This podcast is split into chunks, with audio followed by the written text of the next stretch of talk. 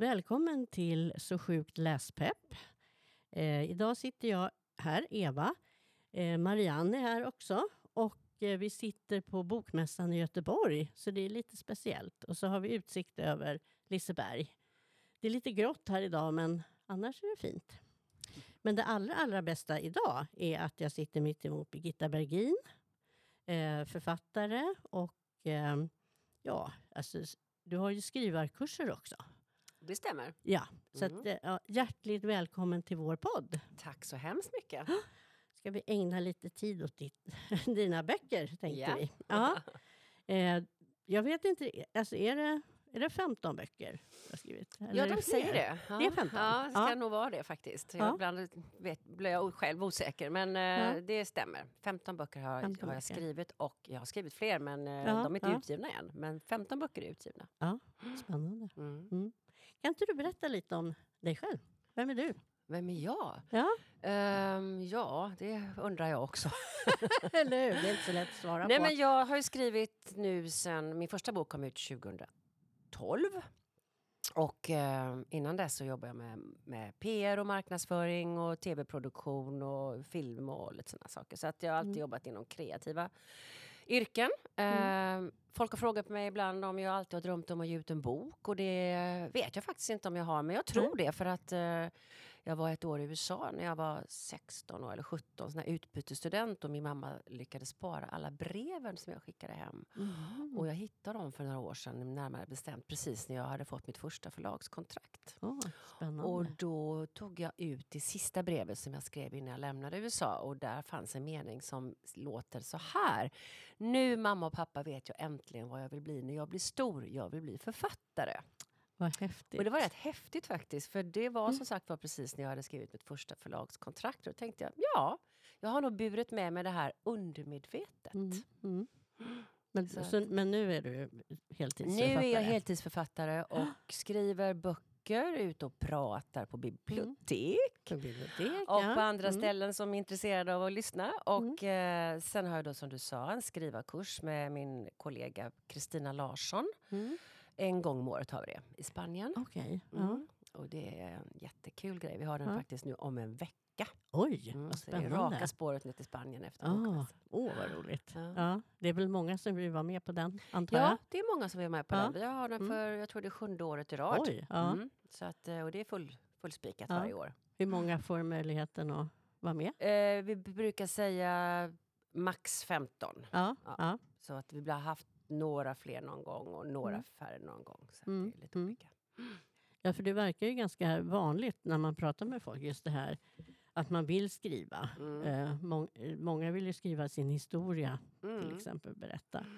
Ehm, men det, det, är inte, det är inte lätt att vara författare. Vill jag säga då, Nej. som, som sitter på andra sidan, som är läsare. Ja. Ehm, ja, det beror på vad man menar med lätt. Menar Ja. du att det inte är lätt att skriva? Eller? eh? ja, men alltså komma på historier. ja, du vet att det är faktiskt inte svårt. Det är inte det. Okej. Jag känner så här Ja. att det finns en totalt outsinlig källa för Mm. att komma på saker. Och Ja. när man minst anar det så poppar det upp ett embryo för en idé Mm. och sen kan inte man släppa den och sen eh, kan det bli en bok eller så blir det inte det för att Nej. man utvecklar den på något annat sätt. Men Mm. jag har nog snarare fullt upp att sortera bort sådana Okej. idéer som man kanske inte hinner ta tag i Mm, faktiskt. mm. Men det här tror jag man har tränat upp. Ja. För efter jag hade skrivit min första bok som jag aldrig trodde skulle bli utgiven men som Nej. då blev det till min stora förvåning så tänkte jag nu kommer jag aldrig mer kunna skriva någonting för vad ska det handla om? Mm. Men så ett, tu, tre så var det och, och numera så som sagt var så är det så Mm. är det det minsta problemet. Ja. Ja, ja, ja, ja, men det, det är väl då, då är det, det är väl då man är författare. Kan tänka mig också. Ja, man måste nog ha ett stort Ja. mått av fantasi Ja. och, Absolut. ehm, och vara väldigt nyfiken Mm. och tycka det är roligt med människor. Ja. Eh, Ja. Det är ju ute i samhället och bland möten man oftast får idéerna. Mm. Eh, ofta, I min värld så är det ofta så att det, jag träffar människor som gör mig intresserad Ja. och som är intressanta på massa olika konstiga sätt. Mm. Mm. Och då blir jag sugen på liksom att göra en karaktär av de här människorna. Okej. Och då kan det vara en start till en historia. För att Ja. de säger mig någonting, de här människorna. Mm. Ja. Då kan jag förstå eh, varför det är ganska mycket bibliotekarier som är författare också. Ja. Man, möter, man möter ganska olika, många olika människor när man jobbar på bibliotek. Så då kanske man får Ja. stoff till många historier. Ja. Så kan det vara. Ja, men man Mm. rör sig ute mycket i olika sammanhang. Om inte bara med sin egen lilla krets så att säga, så möter man ju... Mm. Som författare träffar man ju också väldigt mycket Det olika jag, människor absolut. ute på alla, sina, alla Ja. författarmöten man är ute på. Mm. Ja, det förstår jag. Mm. Absolut. Och man får besöka så många ställen. Sån, Mm. Biblioteken finns ju inte alltid i Stockholm och Göteborg utan Nej. eh, man får ju sitta på de här konstiga små tågen och tuffa iväg till Mm. orter jag aldrig talas om. Nej. tycker jag är ganska häftigt. Mm, absolut. Men det är någonting som eh, vi, eller jag och några har pratat ganska mycket om. Just det här för att, bara för att man är författare så behöver ju inte det betyda att man är väldigt eh, bekväm med eller bra på att framträda. Nej. Alltså och berätta om sina böcker. Så jag menar, det är ju någonting som man nästan måste göra idag. Man kan ju Ja. inte sitta på sin kammare bara och Nej. det är klart att man kan, men ja, nu för tiden vill ju läsare möta författarna. Liksom. Läsaren vill möta författaren Ja. både i riktiga livet Ja. och digitalt så att säga. Eh, Precis. det finns ju en, en större press idag på en författare att Ja. lägga mycket tid på att svara på Instagram-inlägg och Ja. Facebook och överhuvudtaget ute på sociala medier Just som det tar oerhört mycket tid. Ja, det Eh, förstår jag. Och man kan inte svara på allting men man försöker ändå så gott det går att Ja. eh, åtminstone göra någon form av kommentar Ja, om det ja, förväntas. Eh, Men, men som jag sa, det, det tar jättemycket tid. Mm. Folk frågar vad, vad gör du när du inte skriver? Ja, då är jag ute på sociala medier. ja, precis. Ja, jo, men det, det, det förstår jag Mm. verkligen. Nej, men jag träffade en författare för ja, ett tag sedan och hon sa det att eh, när hon har haft en sån här grej, alltså varit ute och pratat eller, ja, eller poddat eller gjort någonting så, så hon var väldigt introvert Mm. som person. Så det, det tar mig ganska lång tid av återhämtning Mm. efter. Så att det beror ju lite på då förstås också hur man är. Ja. Och jag brukar person. säga om mig själv att jag är en social ensamvarg. Ja, Och, och det säger en hel Jag hörde det uttrycket vid ett tillfälle som någon be- beskrev sig själv på det Ja, viset. Och jag tänkte ja. det här är ju klockrent, det är precis som Ja. jag är. ja, Jag älskar att vara ute, alltså social och träffa folk och jag Mm. gillar verkligen att stå på scen. ja, Och, och jag tycker om att vara i centrum och jag är liksom på det viset väldigt extrovert då. mm, Samtidigt så är med ensamvarg. Jag älskar när jag har mina perioder där jag får gå hemma i mina myskläder och bara skriva. Och jag bor ute på landet så att Mm. eh, jag behöver liksom inte ha storstadsbrus omkring mig utan jag kan Nej. verkligen vara jag och naturen. Eh, och ägna mig åt precis det som jag ska Mm. göra just då, alltså skriva. Mm, Så mm. att ehm, det, men jag tycker mixen är så härlig. Ja. Alltså bokmässan de här dagarna, man är ju helt ut, Ja, utpumpad ja, efteråt. Det, det men det är ju jag. sån riktig vitamininjektion, alltså det är Ja, så ja. jättekul. Ja, det måste vara roligt att träffa kollegor också. Oh ja, det är Ja. ju det är om man säger årets branschkalas. Ja, Eh, man verkligen. träffar eh, författare och branschkollegor överhuvudtaget, alltså Mm. förläggare och förlag och Mm. mediafolk och alla, alla. Och så läsare Mm. och bokbloggare och, ja och, och så vidare. Så att folk, och i och med att vi har sociala medier så är det precis Mm. som att folk tror att man känner varandra ja, för att man har mötts på Instagram. precis. Eh, Ja, Men alla bokbloggare har ju oftast en väldigt liten bild och så heter Ja. de ju skriva en bok eller ja, du vet att de heter inte Ja. alltid deras eget namn. Nej. Det, jag är heter ju Fröken Rensjös favoritböcker. Ja, och det såg jag faktiskt. Ja. eh, Och då, Och det är jättekonstigt. Ja. Det är ingen som, vet, ingen som vet vem det är. Men, ja, men nu har ju jag mitt rosa hår så att därför vet alla vem det Ja, är. precis. så, att, ja, så det är ju trevligt i och för sig. Mm. Ja. Men vi är ju här för att prata om dina böcker, Ja. framför allt. Mm. Ja. Eh, jag ska säga att jag har läst ehm, eh, tre av dina. Mm. Jag började med att läsa Det enda jag vill är att leva. Mm. Eh, för att jag hörde om den... Jag tror att jag hörde något inlägg där du pratade om den. Mm. Och jag, jag tyckte att det lät... Det var väl under pan- pandemin också. Och jag tyckte att den lät så eh, fantastiskt eh, härlig. Just det här, alltså det handlar ju om... Du kanske kan berätta lite vad den handlar om innan jag börjar babbla. Ja. Ja. Ehm, det enda jag ville leva var... Där, ehm, idén är utspr- ursprungen från en, en radiointervju som jag satt och lyssnade på. Och Det här var faktiskt mitt under pandemin. Det var den första sommaren 2020 när vi fortfarande var någon slags chocktillstånd. Eller åtminstone var jag det. Eh, och, ehm, jag sitter i bilen och lyssnar på en radiointervju på P4 och då är det en äldre kvinna som blir intervjuad. Och varför blev hon det? Jo, hon hade blivit ifråntagen sin eh, ledsagning. Hon hade hemtjänst och hon hade inga direkta anhöriga och hon satt ensam i sin lägenhet.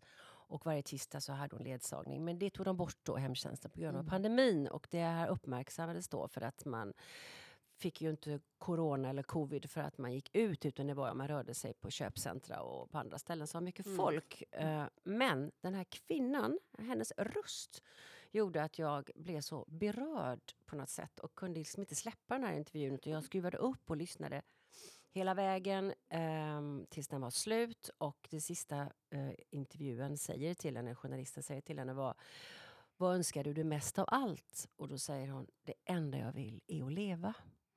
Och hon grep mig så mycket och Mm. kom rätt in i mitt hjärta så jag kunde inte släppa henne. Och hon fick då bli Linnea som jag placerade i den här boken som också fick namnet Det enda jag vill att leva. Mm.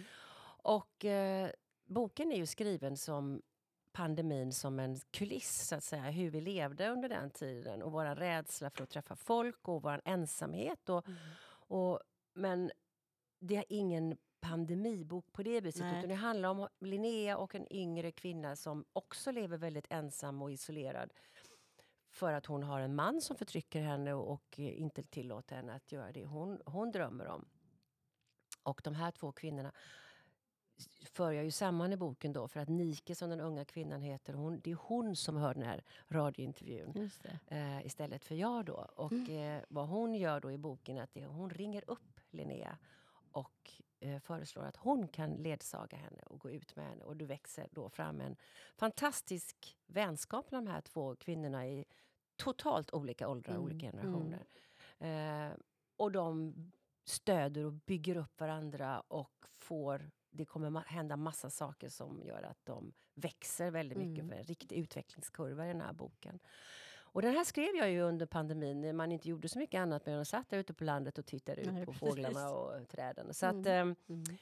det var en viss melankoli när man skrev det här. Liksom, det, det var skönt för att det var ingenting som störde på något sätt. Nej. Man gjorde ju ingenting. Nej. Jag gick ut och tränade, sprang i skogen. Mm. Mm. Men eh, annars så hade man inget socialt umgänge, ingenting i princip. Nej, Så jag verkligen skrev boken väldigt snabbt också. Och jag hade den här känslan med mig hela tiden jag skrev. Och det tycker Mm. jag på något sätt man, man märker när man läser den. Absolut.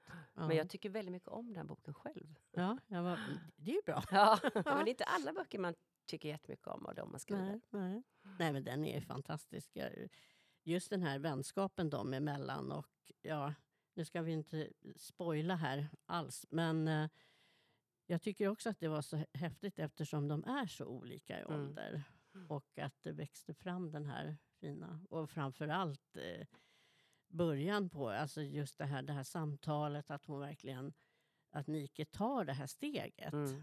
och, och liksom tar reda på vem hon är och ringer Mm. upp. Och, ja, Mm. ehm, det, det är ju någonting som man verkligen skulle önska man, om, man, om man råkade, att man just Mm. skulle göra själv. Mm. Absolut. Ja, Och faktum var att när jag lyssnade på den här intervjun då i verkliga livet så hade jag den här tanken, jag borde ju ringa den här kvinnan. Min mamma eh, levde då eh, Mm. och gick bort något år senare. Men eh, hon skulle ju kunna varit i den situationen. Mm. Eh, nu hade hon ju sin familj och, och dessutom vänner och så vidare. Men hade hon inte haft det så hade hon ju kunnat sitta där och titta på de här fyra väggarna och vänta varje tisdag att någon ska ta ut henne. Och ju äldre man blir, så, inte ju äldre man blir, men man är ä- gammal så, så söker man ju fortfarande närhet och, och vänner så att Ja, säga. Så att, eh, Absolut. eh, och det var det jag tyckte var så hemskt med den här, Mm. min Linnea då, som var Ja, egentligen någon annan ja, då. Mm. Men det, det hjälper ju Nike också. Oh ja, Den som här- jag sa, det, hon har ju också, hon Mm. har ju hon är ju ensam av andra anledningar. Ja. Hon behöver ju inte vara det för att hon har blivit gammal och folk har dött ifrån henne. utan nej. hon lever ju i ett, i ett äktenskap där det krävs att hon inte ska, eller han kräver att hon inte ska träffa andra Ja, människor. Och eh, Mm. det är ju inte heller helt ovanligt. nej, nej. Så att, eh, Och hon har ju sina drömmar det här att få måla och det och Mm. när hon sen tar tag i det med Linneas välsignelse och stöttning så att säga Ja. så öppnar ju sig en helt ny värld för Nike. Hon Ja. blir ju lite rebellisk även om det är mot sin man. Även om det Precis. går verkligen lite fram och så lite Mm. bak och så ett, två steg fram och ett steg bak. Ja. Som det kanske är många gånger i verkliga livet att man inte Ja. bara plötsligt gör revolt utan man Nej. Hon går ju, tvekar också. precis, hon, hon tar tag i det och går en kurs i akvarellmålning. Precis. Gör hon. Och där möter hon ju nya människor som Precis. förutom Linnea då Mm. Och när, gör att hon får perspektiv på sitt vet att- liv. ja, jag vet att jag har skrivit till dig om det här, men- när jag läste det här så, så fick jag en sån enorm lust att prova akvarellmålning. Ja. eh, så att jag anmälde mig till en nybörjarkurs. sant? Jajamän, i Wow. akvarell. Och, det, och jag gick, det var en helg. Eh, Mm. Alltså det är något av det roligaste jag har gjort. Så att, tack så hemskt mycket. Ja. jag säga. Det är fint att man kan ge sådana grejer som ringar på vattnet. Ja, Ja. ja. men jag var ju på en akvarellkurs och besökte dem då när vi, så jag fick med mig lite grann av alla termer och så vidare och hur det fungerade. Precis. Eh, men Mm. jag, jag kan skriva men måla är inte min grej.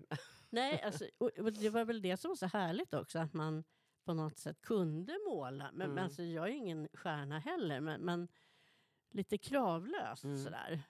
Bara få göra någonting helt annat. Mm, Så mm, att, eh, stort tack! mm, ja, Superkul! you're welcome som man säger. ja, precis. Eh, och efter den så kom ju En hamn i stormen, Ja, ja, som är en helt annan. det är ju Historia, det kan som är säga. lite grann mitt författarskap. Att Ja. jag slänger mig lite grann. Det Precis. ena boken är inte lik den andra. Nej, det här är ju mer av en spännings... Alltså det är ju fortfarande relationsroman, Ja, men det, men det är ett uns av spänning. Och Ja. det, bokhandeln hade väl lite svårt att placera den ett tag där. Den Ja. hamnade på spänningshyllan på hos några. Ja, Och okej. det är väl helt Mm. okej. Men jag Mm. skrev inte den... Min tanke var inte att skriva en Nej. spänningsroman, mer igen kanske lite grann lite det här psykologiska thrillerköret då. Precis. Även om jag inte skulle säga att det är en psykologisk thriller, men Nej. var går gränserna om man ja, säger så? det är svårt med Ja, gränser. men jag menar, det blir ju psykologi när man, när man, i- när man liksom stänger in. De stänger vi inte in dem, men när, man, när människor är utsatta, mm, eh, vilket de här sju gästerna på hotellet på den här ön precis. eh, blev Ja. av den här orkanen som kom. Och eh, det som, in, som jag tyckte var kul att utforska där, det var ju Mm. vad som händer i människors beteende och i deras huvuden när man blir pressad och stressad och rädd. Precis, Ja, verkligen. Ja, och kanske har kommit till den här ön Mm. för att ha en trevlig och lugn helg och dessutom kanske lösa lite problem som man Lite har tänkt att ta sig tid. Och, ja, precis. ja. Fundera ut hur jag med mitt liv. Och, ja, Ja, vet. Så kommer den här orkanen och tar alla Ja. i sitt grepp. Och vad jag också tycker är så härligt med här böcker, det är ju det att man, även om det är, det är nya huvudpersoner, Mm. men det liksom kryper in en, någon person från tidigare bok. Mm. Det har det inte alltid gjort Nej, historiskt okej. i mina böcker. Nej. Utan det är faktiskt, om du har läst, är det de här tre du har läst av Ja, mina? det, Ja. precis. Då, Ja, det här är någonting nytt. Jag har aldrig gjort så förut. Nej, vad Nej. kul. Ja, Så att eh, jag tog med mig Nikes man, Elvis. Elvis till ja. eh, Paternoster, till det- En hamn i stormen. Eh, en mindre sympatisk person kan man väl säga eh, i Ja. underkant. Ja, det är underkant, jag håller med. Men det, det är kul att skriva om, om mindre sympatiska personer. det, ja, det måste ju vara jätteroligt. Ja, så han fick följa med dit och röra om lite. Mm. Ehm, och sen i smultronhyllan så tar ju, återknyter vi ju kontakten med Precis. Linnea. Mm. Mm. Och Och Nike. lite grann. Och Lite grann. Agnes, som Agnes. då får inträde i En hamn i stormen men som får en Precis. huvudroll i smultronhyllan. Ja. Så det är ingen serie de här men det är klart Nej. att det, man får ju tillbakablicka lite grann när man kommer in i de nya böckerna på Precis. vad, vad hände egentligen med de där personerna. Ja. Mm. Och det är ju jättekul, för Mm. det, det undrar man ju ofta, eller man vill ju ofta säga, jag vill veta Mm. vad händer sen. Det blir lite grann ja. som ett universum kan man Ja. säga, även om det inte är en serie. Ja, Mm. absolut. Men den är som sagt, en, en Hamn i stormen är ju... Alltså det kryper lite under Mm. skinnet på en verkligen när Mm. man läser den. Ehm, och man, hela tiden när man läser tycker jag, så undrar man ju hur, hur ska det här sluta? Det, måste, det känns liksom lite katastrofvarning. Mm. Och Ja. sen, sen just eh, hur liten människan är Mm. alltså, i, i händerna på naturen. Exakt, och det var, Ja. det, jag var, det var det som var min eh, ursprungstanke. Och jag Mm. letade först efter... För det är alltid roligt att ha ett autentiskt ställe, ett riktigt Mm. ställe och inte Mm. bara hitta på. Och min tanke var först att hitta något ställe långt upp i fjällen med en högfjällshotell av mindre Mm. sort eller variant. Och eh, Mm. hur någon lavin skulle gå eller någonting sånt där. Men så tänker man så här, man gräv där du står. Och jag bor ju alldeles bredvid Hamneskär, Paternosterfyren står på Mm. eh, i Marstrands skärgård. Ehm, och jag har ju varit där hur många gånger som helst. Som barn åkte vi dit ut jättemycket när det Mm. var fina dagar. Det, det är ju långt ut i kustbandet. Men Mm, eh, pappa mm. körde ut med båten dit när jag var barn. Mm. Och jag har varit där nu i vuxen ålder också, eh, he- en hel del. Och där Mm. finns ju det här lilla fyrvaktarhuset som numera drivs som hotell. Och eh, det var ju helt perfekt Mm. att sätta de här hotellgästerna där. För att ön är ju så fruktansvärt liten. Mm. Ligger så otroligt eh, ödsligt. Det är ju liksom Danmark nästa. Mm. Ehm, det miljontals grynnor runt omkring. Så när det blåser upp till storm så blir det bara ett stort skum av hela ön. Mm. Dessutom är ön låg. Vilket gör att vågorna kryper ju upp så mycket så att, så att ön krymper. Mm. Och det kan ju få en ytterligare en sån effekt av att det Mm. känns otäckt. Att du får liksom inre yta att vara på. Och när det, dessutom strömmen går så Mm. blir det ju, alltså i oktober, Mm. är det kolsvart ute. Finns det inget ljus överhuvudtaget så blir det svart. Mm. Och då, då ska man hantera det liksom, vad, då, då krymper ju det ändå mer. Ja, absolut. Alltså, jag, Mm. Man känner nästan hur det kryper inom sig bara man Ja. tänker den tanken. ja. ja, men Och- också det här det mörka. Alltså det, Dånet. ja, precis. Det blåser, Ja. vattnet. Alltså, ja. Och, och man kan Mm. inte komma därifrån. Nej, För det är inte ens en helikopter kan landa. nej, nej. Så, och, och vad händer om du blir sjuk? Ja. Alltså, ramlar och bryter ett ben eller vad som helst. alltså det, precis.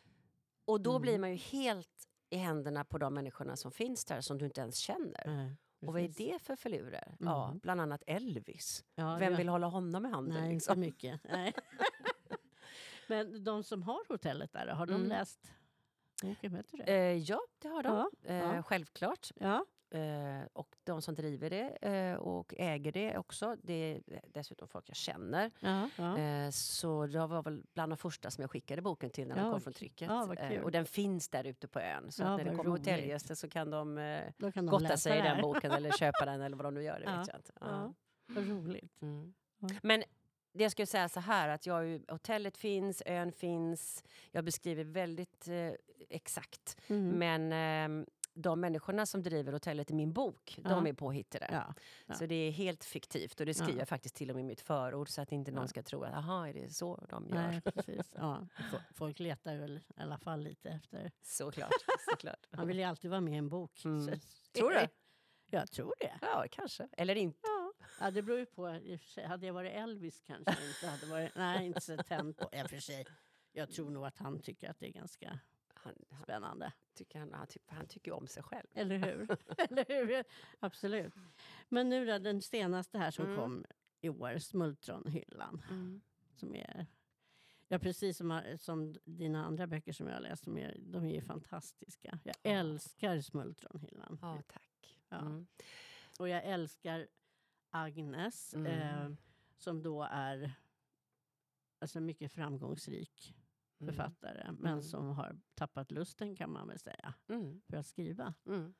Och hon, åker till, hon får vi ju träffa i, i en hamn i stormen där hon Just just, åker till ön för att hon har skrivkramp och, och så vidare. Och sen så visade det sig när man började på Smultronhyllan att det blev en succé av den boken som hon lyckades få ur sig efter den eh, helgen Mm. på Paternoster. Mm. Men hon väljer ändå att lämna rampljuset för att hon har aldrig tryck, tyckt om det här Nej. kraven eh, med deadlines och så vidare. Mm. Plus att hon vill göra någonting som är på riktigt. Många Ja. frågar ju om det, är, om det är mig det handlar om. Jag har ju fortfarande inte slutat att skriva så jag tror inte det. nej, nej. Ehm, Mm. Och jag är inte intresserad av det heller. Men precis i den här vevan när jag började skriva på Smultronhyllan, ja, miljön för mig var ju ganska naturlig för att min mamma hade ju precis flyttat in då. Ja. Det är ju hon som är lite Linnea där då. Mm. Mm. Och eh, på ett, på ett äldreboende som var jättefint äldreboende. Och Mm. mamma tyckte att hon hade världens finaste lägenhet och världens bästa service. Och det var, hon kunde inte ha det bättre för hon behövde, hon var, behövde helt enkelt hjälp med Mm. sin, sina vardags rutiner så att säga. Ja, precis. Och, eh, jag var väldigt mycket där. Jag spenderade mycket tid där och jag lärde känna både personal och lite andra Mm. damer och herrar som bodde där. Och därför var det ganska lätt för mig att, att gestalta både de som bor där. Jag har ju då Konrad och eh, Linnea Mm. givetvis som Mm. in då och eh, Sonja och så vidare. Ja. Sonja, ja. Mm. Och, för jag hade ju dem runt omkring mig under den Mm. perioden. Så jag, det var väldigt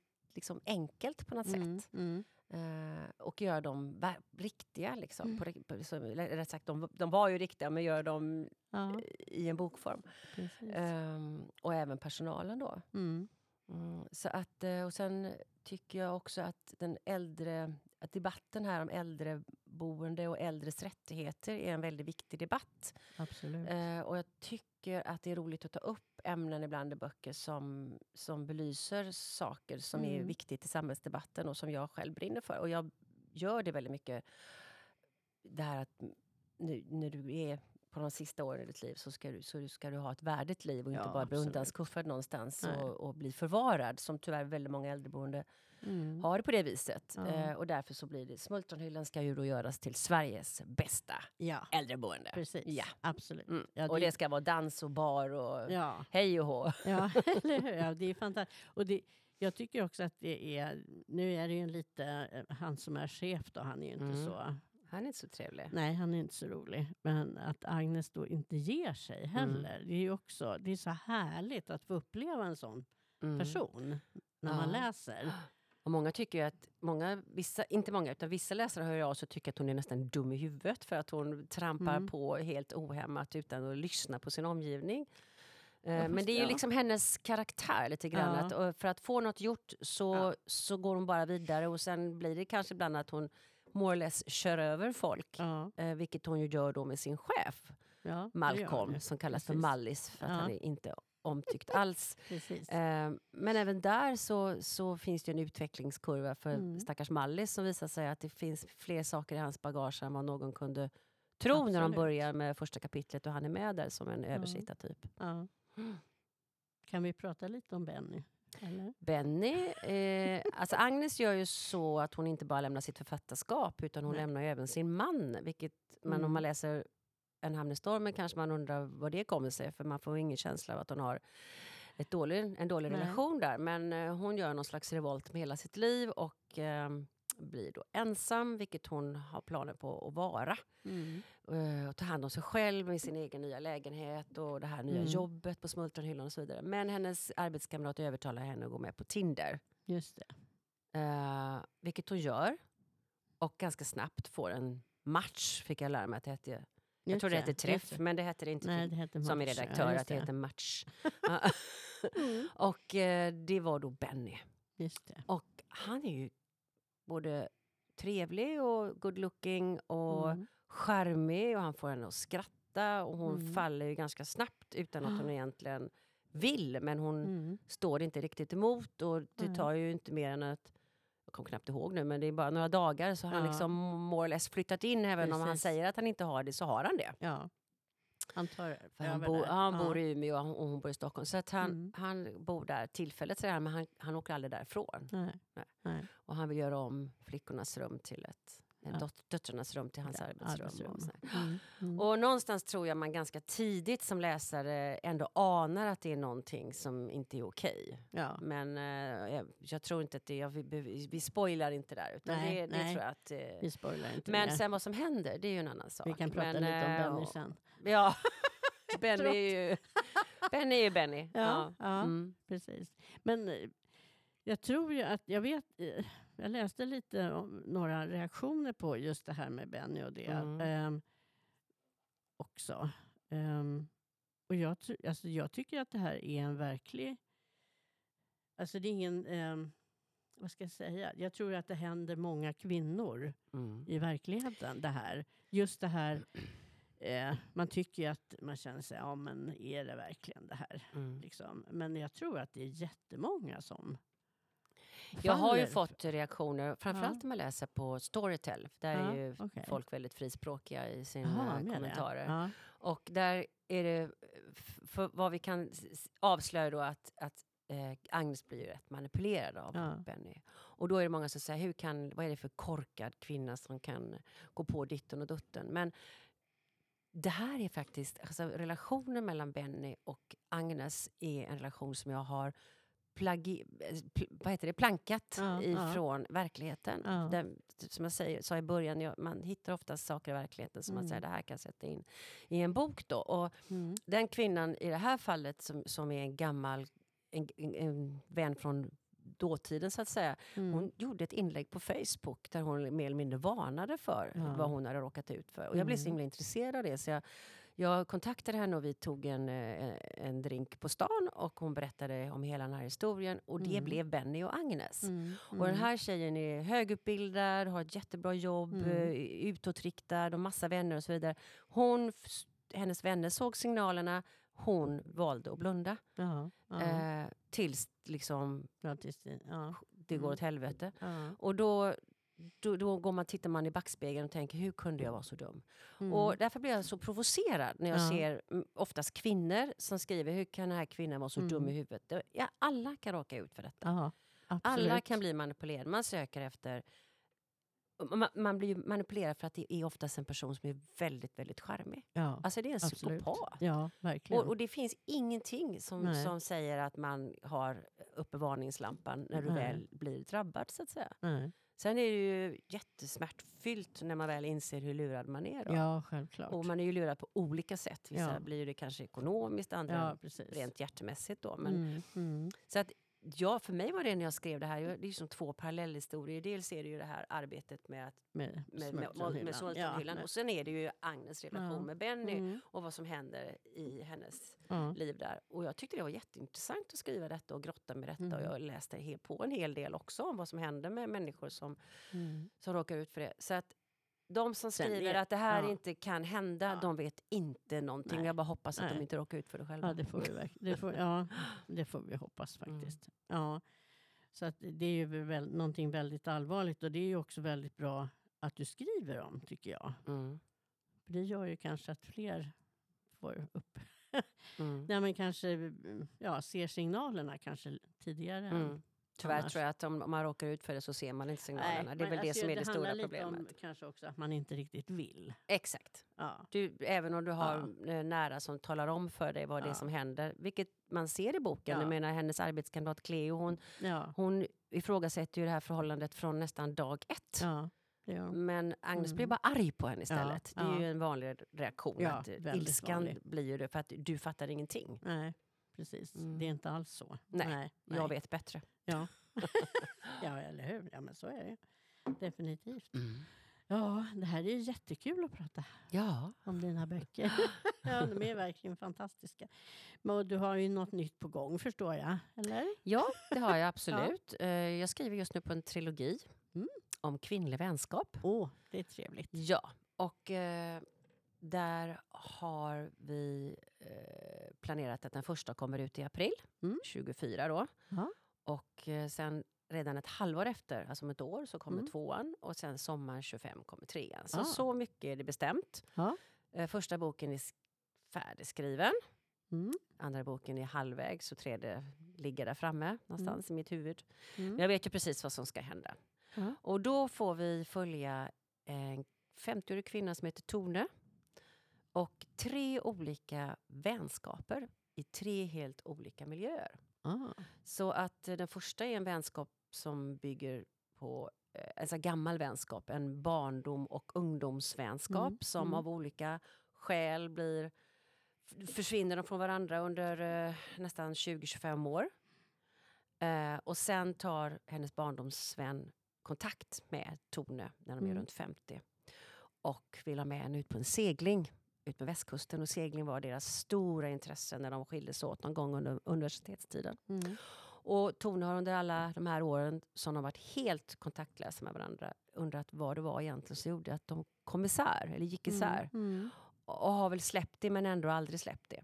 Och när vi träffar de här kvinnorna i början på boken så beger de sig ut på sin segling. Och det här lilla, lilla utrymmet de har hyrt, eller inte hyrt, utan Chanel som hennes barndomskamrat heter, hon har då hyrt, hy, nej förlåt mig, köpt en segelbåt, en Maxi 77, för det var det de hade på den tiden. Och numera är det en ganska liten båt. Mm. Allting har ju tenderat att bli så stort. Ja.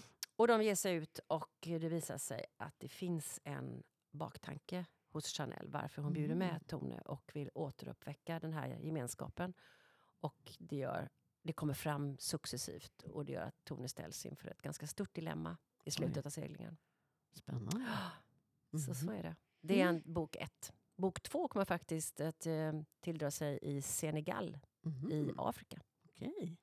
med en, den här typen av kvinnlig vänskap som du får när du är ensam och utsatt i en främmande kultur, en främmande miljö där du inte känner någon. Och då blir man ju, kan man ju, speciellt kvinnor tror jag, Ja. bli väldigt tajta.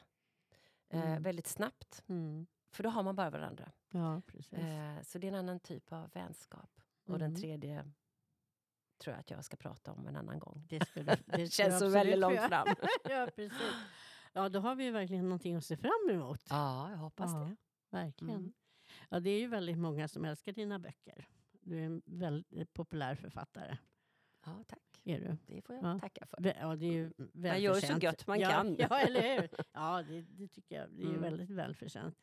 Ehm, och ja, har du någon liten fråga Marianne? Eller? Ja, jag var i Senegal eh, i februari. Mm. Och, eh, för att jag skulle skriva en bok. Jag hade aldrig varit i det landet. Det är liksom inte det första turistlandet man åker till. Och jag Nej. var inte där som turist utan jag var ju där och besökte landet. Och jag Just har då det. en kontakt där nere, en, kvin- en kvinna som driver en hjälporganisation. En Mm. belgisk kvinna. Som är en gammal god vän till mig. Eh, så det var där jag Mm. bodde. Och hon tog med mig långt in i landet på de mest otroliga byar. Och Mm. jag har suttit på, i hyddor och ätit med händerna ifrån stora fat tillsammans med lokalbefolkningen och undrat, Mm. ska jag överleva detta? Men jag fick inte en enda basilusk faktiskt. Nej. det var ju tur. Ja, nej, men jag har liksom, inte varit där som turist och bott på turisthotell utan jag har varit i landet och Mm. rest runt. Mm. Varit i ett väldigt fattigt land Mm. och eh, väldigt smutsigt och, Ja. och eländigt på många sätt men e- extremt vänlig och fantastisk befolkning. Alla jag mötte i alla fall och jag mötte ganska många. Ja, det, låter fant- det låter ju jättehärligt. Ja, det var jättefina dagar faktiskt. Mm. Mm. Mm. Så det blir kulissen, miljön Ja. i min eh, bok nummer två om Ja. kvinnlig vänskap. Oj. Då har vi verkligen någonting att se fram emot Ja. att läsa. Ja, toppen. Men eh, ja, vi kanske inte ska hålla dig kvar så mycket längre. Du ska ju ut och prata hela dagen. Ja, inte hela dagen men bokmässan. större delen av dagen i alla fall. Ja, ja precis. Det är det man gör när man är här. Ja, Minglar och pratar på scener och spelar in poddar. Precis, Ja. eller hur? Det är ju fantastiskt.